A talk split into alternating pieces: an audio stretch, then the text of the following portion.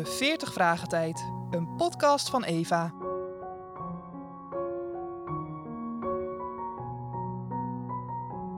Dag 32. Wat was de diepste reden dat Jezus het avondmaal heeft ingesteld?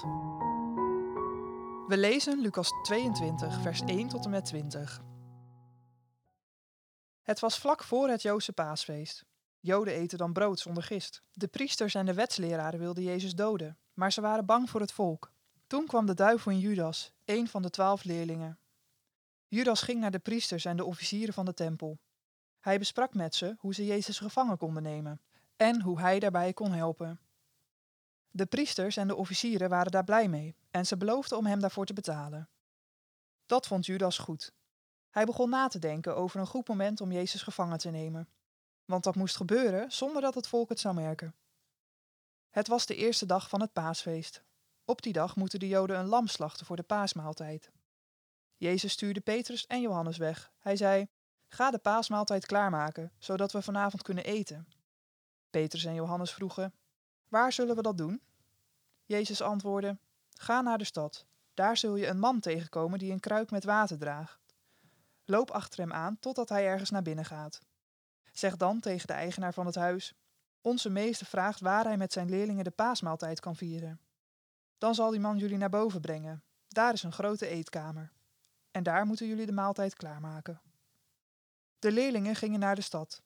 Alles ging precies zoals Jezus gezegd had, en ze maakten de maaltijd klaar. S'avonds ging Jezus samen met de leerlingen aan tafel. Hij zei: Hier heb ik naar verlangd ik wilde samen met jullie de paasmaaltijd vieren, voordat mijn lijden begint. Luister naar mijn woorden. Ik vier dit feest pas weer als Gods nieuwe wereld is gekomen. Toen nam Jezus een beker wijn. Hij dankte God en zei: Drink allemaal uit deze beker. Luister naar mijn woorden. Ik zal vanaf nu geen wijn meer drinken. Dat doe ik pas weer als Gods nieuwe wereld is gekomen. Toen nam Jezus een brood. Hij dankte God. Hij brak het brood in stukken, deelde het uit en zei: Kijk, dit is mijn lichaam. Ik zal sterven voor jullie. Houd deze maaltijd steeds opnieuw om aan mij te blijven denken. Na het eten nam Jezus een beker wijn. Hij zei: Als ik gedood word, zal mijn bloed vloeien. Maar daardoor zullen jullie gered worden. Dat heeft God beloofd.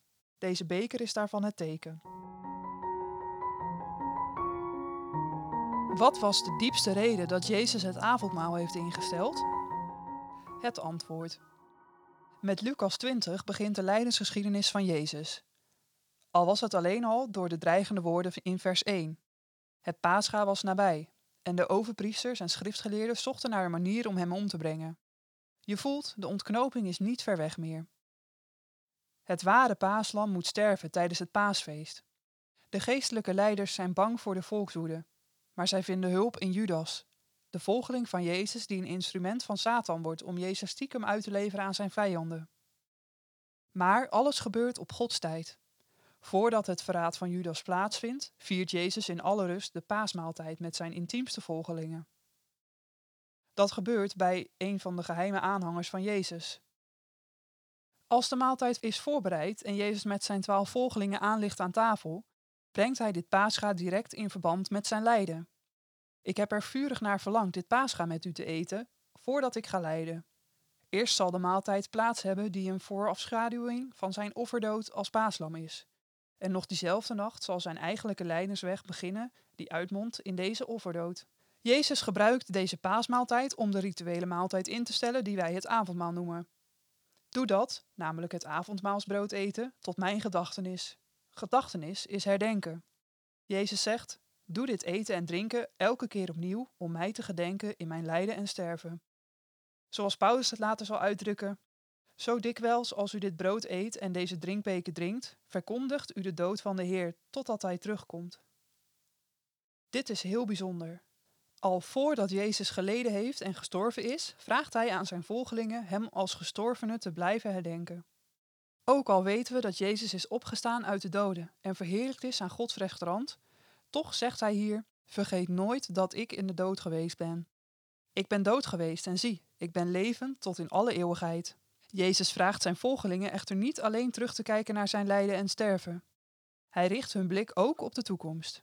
Ik zeg u dat ik zeker niet meer zal eten van het paasmaal, totdat het vervuld is in het koninkrijk van God. Daar gaat het naartoe. Jezus' offerdood heeft een doel. En dat uiteindelijke doel is de verwerkelijking van het Messiaanse Rijk, waar we naar uit mogen kijken en verlangen.